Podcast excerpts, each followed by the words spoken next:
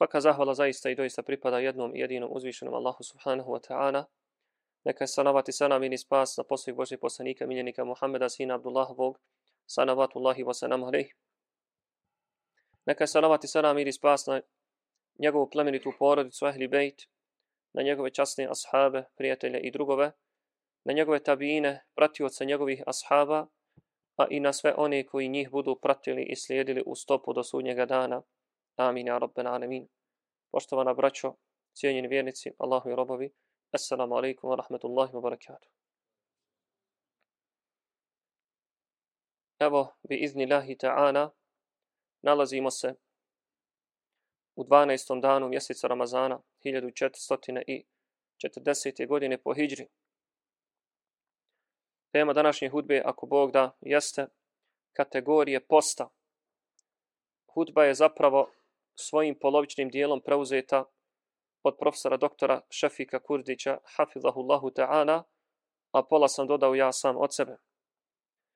Kaže uzvišeni u Kur'anu, أعوذ بالله من الشيطان الرجيم بسم الله الرحمن الرحيم شهر رمضان الذي أنزل فيه القرآن هدى للناس وبينات من الهدى والفرقان kaže uzvišeni u mjesecu Ramazanu počelo je objavljivanje Kur'ana koji je putokaz ljudima i jasan dokaz pravoga puta i razlikovanje dobra od zla.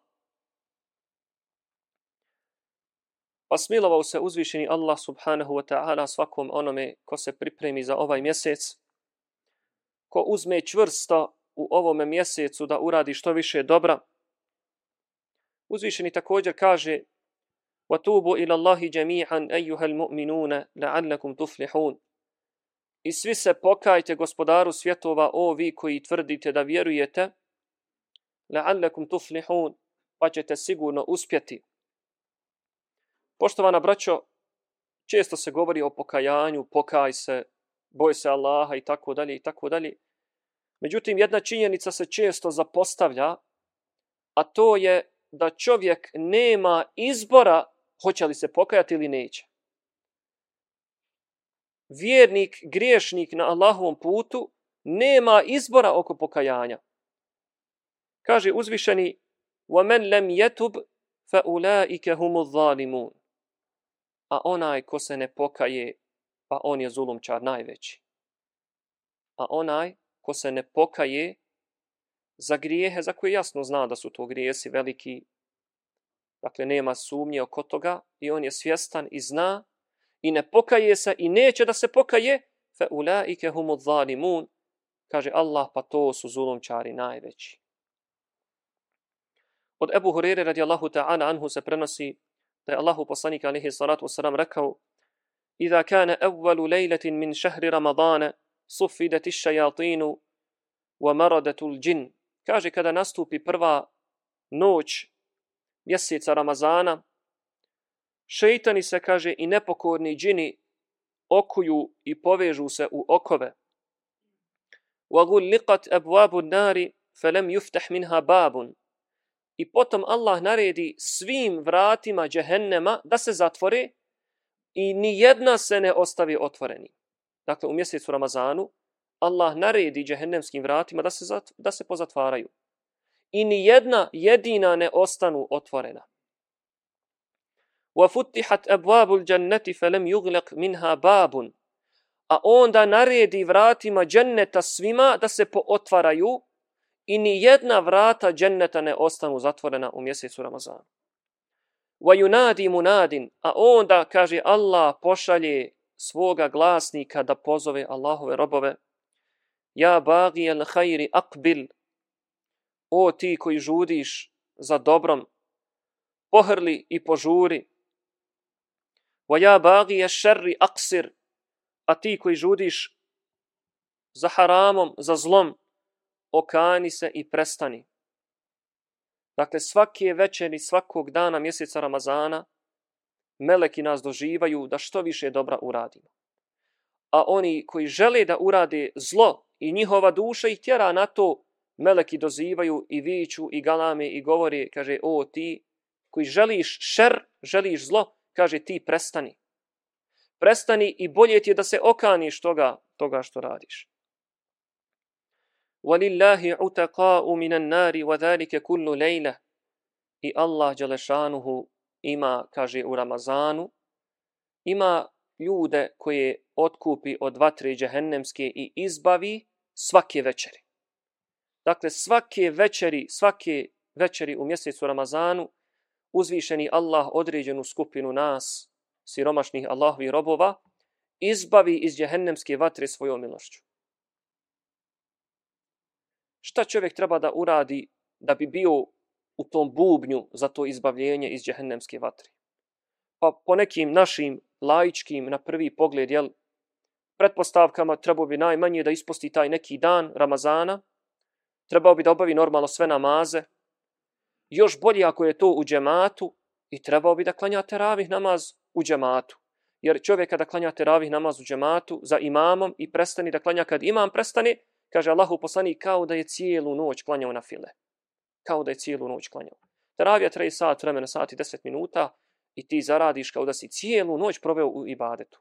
Dakle, to bi bilo otprilike neki, neki dakle, najbitniji kriteriji da bi neko od nas svake večeri u tom bubnju koji ima kod gospodara svjetova, da bi bio u tom bubnju onih koji će Allah izbaviti iz džehennemske vatre.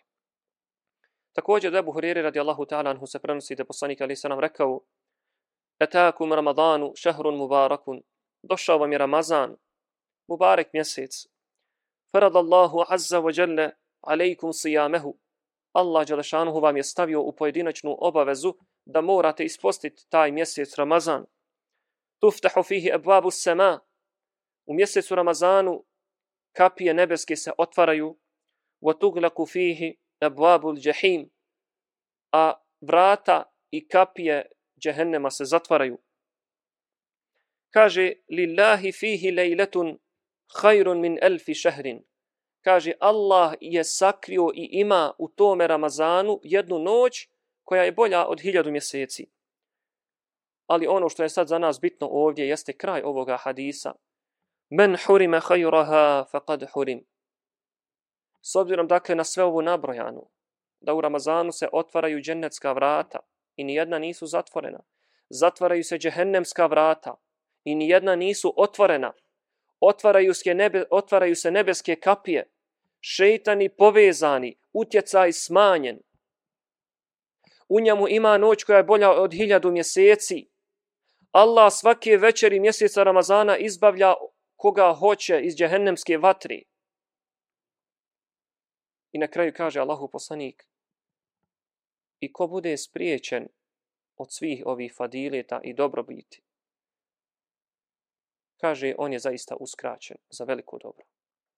To jeste ko bude spriječen da bude od ovih koji će ovo sve izvršavati, Allah mu ne dadne, Allah mu zabrani, Allah mu zabrani da mu čini ibadet pod takvim uslovima, olakšanim i okolnostima, i on opet ne bude od ovih bagi al hajri, oni koji žude za dobrom, kaže, femen hurima hajraha, i ko bude spriječen kome bude uskraćeno dobro noći kadra, a i mjeseca Ramazana cijelog, faqad hurim, zaista je uskraćen.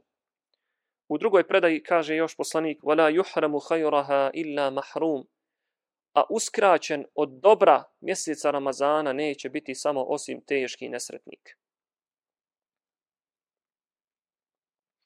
Neki islamski učenjaci, braćo, post dijeli na tri kategorije. Prvi, običan post. To je post. Čovjek, dakle, ne jede ništa i ne pije i, ne, i spolno ne opći sa ženom. I to je to. Dakle, to je taj neki prvi obični post, ajmo reći naj, najmanji nivo. Drugi post, drugi, druga kategorija posta je poseban post, a on se sastoji, osim prvog nabrojanog, od ustezanja, sluha, vida, govora, pokreta ruku, nogu, i ostali dijelova tijela od grijeha i harama.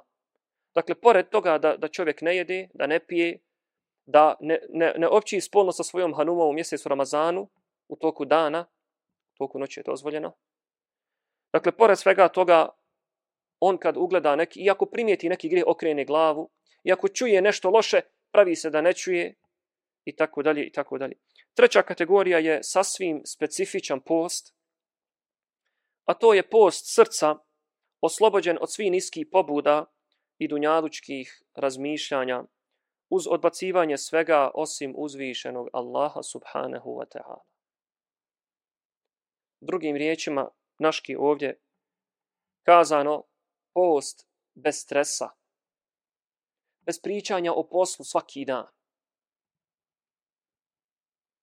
Ovdje ljudi jako mnogo akcenta daju poslu posao, radno mjesto, posao, firma, samo se o tome priča.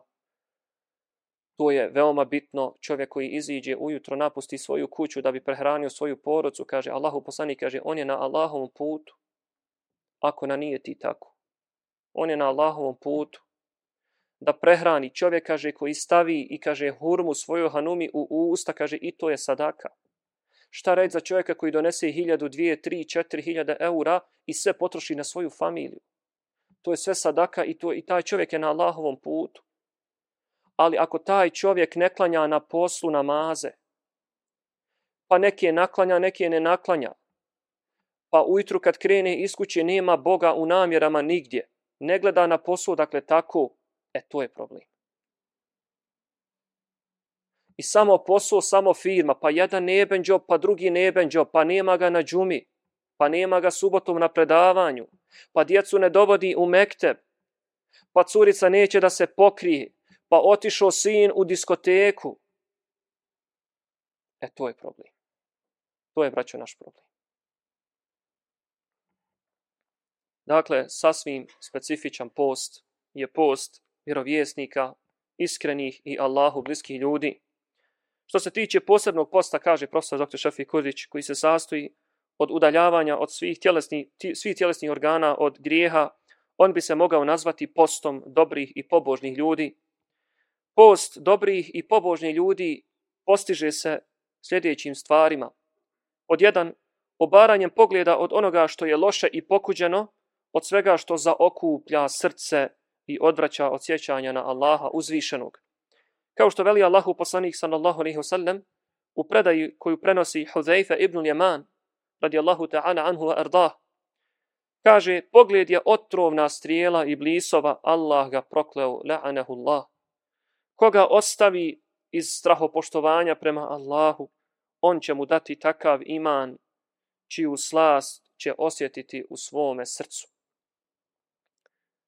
Zašto danas ljudi nemaju bereketa u brakovima? Zašto je veliki broj bračnih parova na rukjama kod naših hafiza? Zašto se ne podnosi?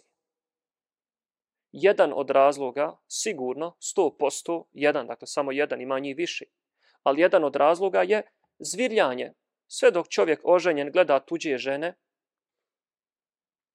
gleda druge djevojke, neće nikada biti zadovoljan sa svojom hanumom uvijek će nekakvu mahanu imati. A šta kaže ovdje poslanik Alihi Sanam? Pogled je poput i blisove strelice otrovni.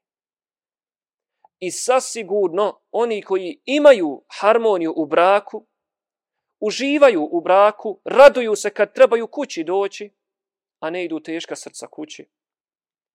E to su, braćo, sigurno oni kojima je Allah Đelešanuhu podario bereketa zato što obaraju pogled između ostalog.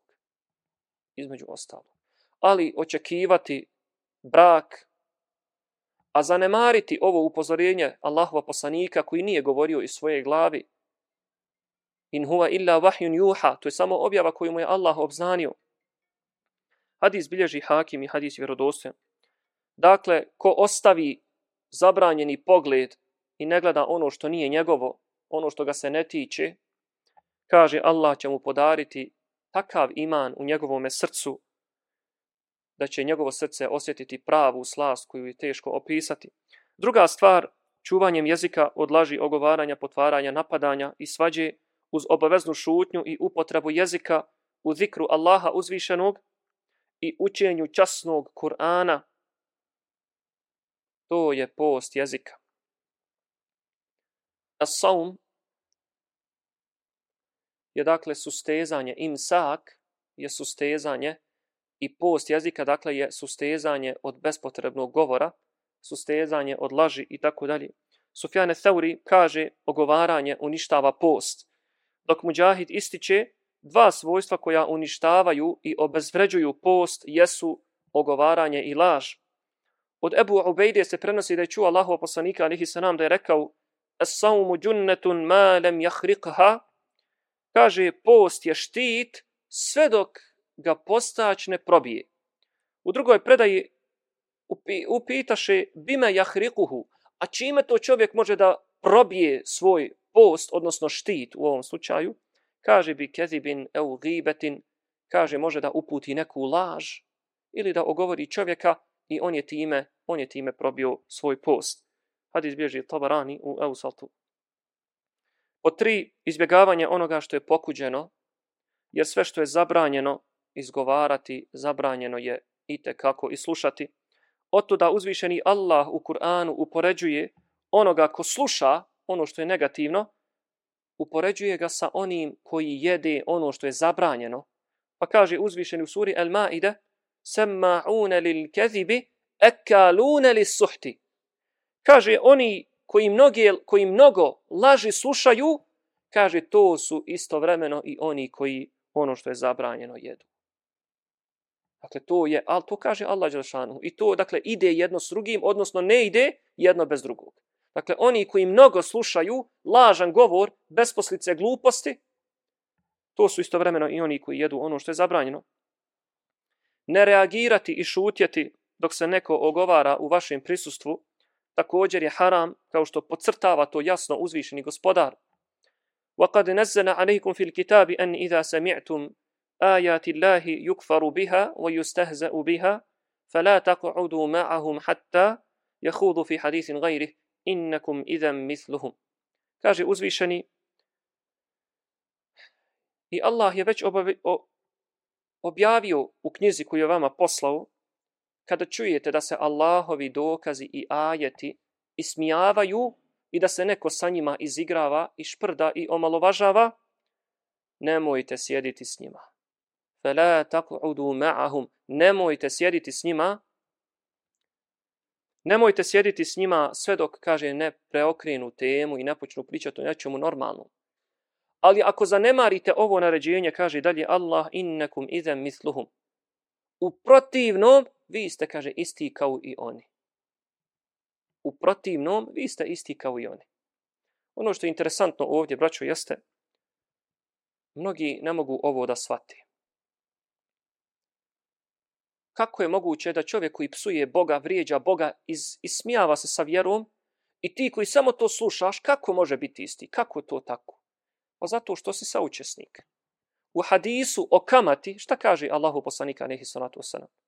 Onaj koji daje kamatu, banka, onaj koji uzima kamatu, klijent, onaj koji posvjedoči kamatu, i onaj koji opečati kamatu, to sve fino zapiše i protoko, jeli, protokoliše, kaže poslanik, kaže svi su kod Allaha isti. Kod Allaha, Đelešanuhu, su svi isti. Zašto? Pa samo jedan da je falio u ovom lancu od ove četiri osobe, ta kamata se ne bi mogla sprovesti. Kod Allaha su svi isti. Od četiri sustezanjem ostali dijelova tijela, ruku i nogu od pokuđenog, kao i sustezanje stomaka od sumnjive hrane u vrijeme iftara. Naime, nije cilj posta ustezanja od halal ishrane, a onda iftarenje haramom, jer halal ne šteti svojom vrstom, nego pretjeranošću. Cilj posta je minimalna upotreba hrane, jer i halal lijek koristi ako se upotrebljava u razumnim, a šteti ako se uzima u pretjeranim količinama. Ebu Hureyre radijallahu ta'ala anhu prenosi da Allahu poslanik ali sam rekao Rubba sa'imin lejse lehu hadhun min saumihi illa l'đu'u wal ataš Kaže koliko li je samo onih koji poste, a od svoga tog posta imaju samo glad i žeć i ništa više. Neki islamski učenjaci smatraju da se to odnosi na iftar haramom. Drugi da je to suzdržavanje od halal hrane, ali iftarenje mesom ljudi, ogovaranjem, dok treći smatraju da je to sprečavanje organa da čine grijeh. Od Ebu Hurere radijallahu ta'ala anhu se prenosi da je Allahu poslanika ali sam rekao men lem jeda' qawle zuri والعمل به والجهل فليس لله حاجة في أن يدع طعامه وشرابه hadis bilježi Buhari, ko ne ostavi lažan govor i postupanje po njemu i neznanju, pa Allahu zaista ne treba to što ostavljaš hranu i piće. Zatim, umanjivanjem hrane za vrijeme iftara, jer je pun stomak Allahu uzvišenom najmrža posuda, koja se može napuniti halalom, kako je došlo u hadisu. Kakva je onda korist od posta ako preko noći namirimo sve ono što nam je u toku dana promaklo? Začuđeno se pita profesor dr. Šefi Kurdić.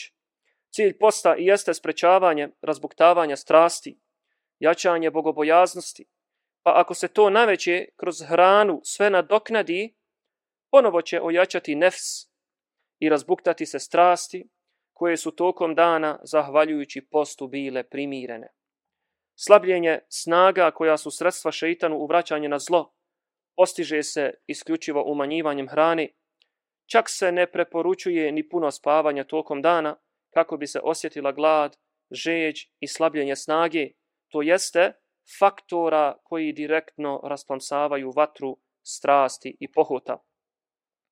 I posljednja tačka, da postać posle iftara bude zabrinut i da živi između straha i nade, ne znajući da li mu je post primljen ili pak odbijen. Imam El Ghazali, rahimahullahu ta'ala, citira neke islamske učenjake koji kažu koliko je samo postača koji jedu, a koliko je opet onih koji jedu, koji ne jedu, a postači su. Onaj koji jede, a postaće, navodno, to je onaj koji čuva svoje organe od grijeha, ali jede i pije. Dok je postać, a jede, onaj koji gladuje i trpi žeđ, ali ne čuva svoje organe od grijeha, završava profesor doktor Šefi Kurdić. Zato, braćo, ne dozvolimo prokletom šeitanu, pogotovo sad u ovom mjesecu kad je svezan i prikovan, da nam oduzme našu ramazansku nagradu. Šeitanov prvi korak da čovjeka prevari jeste da ga odvrati skroz od nekakvog ibadeta. A ako ne uspije to, on ima drugi, drugu, drugu stepenicu, ima drugi pokušaj. A to je da ti upropasti nagradu da nakon što šeitan čovjeka ne uspije prevariti da nikako ne posti, da nikako ne klanja, dakle ne uspije dakle, tu da te pridobije, onda će dati sve od sebe da ti ubaci ili loš nijet, ili licemjerstvo, ili da čovjek sfušari pa da nema nagradu, ili da uradi neku grešku pa da izgubi nagradu, da ogovara nekoga i tako dalje i tako dalje i onda čovjek postio, ali samo bio gladan i žedan.